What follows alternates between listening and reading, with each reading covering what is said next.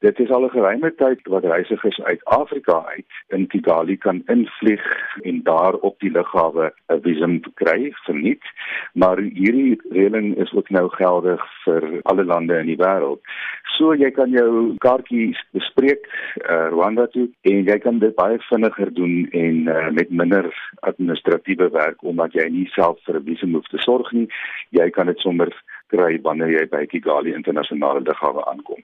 Martin en dan hoe werk dit? Is daar 'n uh, voetjie betrokke? Uh ja, daar is vir sekere lande. Dit lyk vir my asof Afrika lande nie fooi betaal nie en daar is selfs lande wie se burgers daar land wat 'n 90 dae visum kan kry sonder om te betaal maar dan is daar lande soos die FSA, Mauritius, Singapore wie se reisigers moet betaal.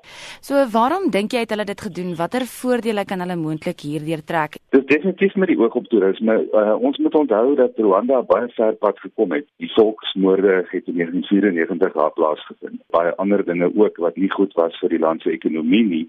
Maar die afgelope paar jaar is die regering daar baie ernstig om die ekonomie te groei. Landbou is nog steeds die grootste bedryf in Rwanda, maar toerisme is die topverdiener van buitelandse valuta in die land en dit lyk vir my hulle het agtergekom hoe waardevol dit is.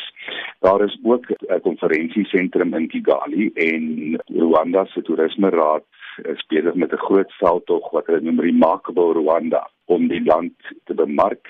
En die hele visum ding is natuurlik ook baie goed vir besigheidsreisigers mense wat tipies na 'n konferensie toe gaan by die konferensiesentrum en dalk 'n paar dae voor die tyd of 'n paar dae na die tyd in die land gaan deurbring omdat 'n redelike kort reisstand is en dit val binne daai 30 dae.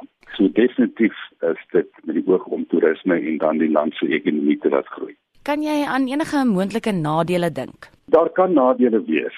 Uh dit hang af natuurlik van watter land 'n mens praat. Ons moet ook hierdie gesprek hê in die agtergrond wat die afgelope 2 jaar in Suid-Afrika gebeur het. 2015 het ons nuwe visumregulasies hier gekry wat dit moeiliker gemaak het vir mense om Suid-Afrika binne te kom. Daar is politieke kwessies, daar's ekonomiese kwessies.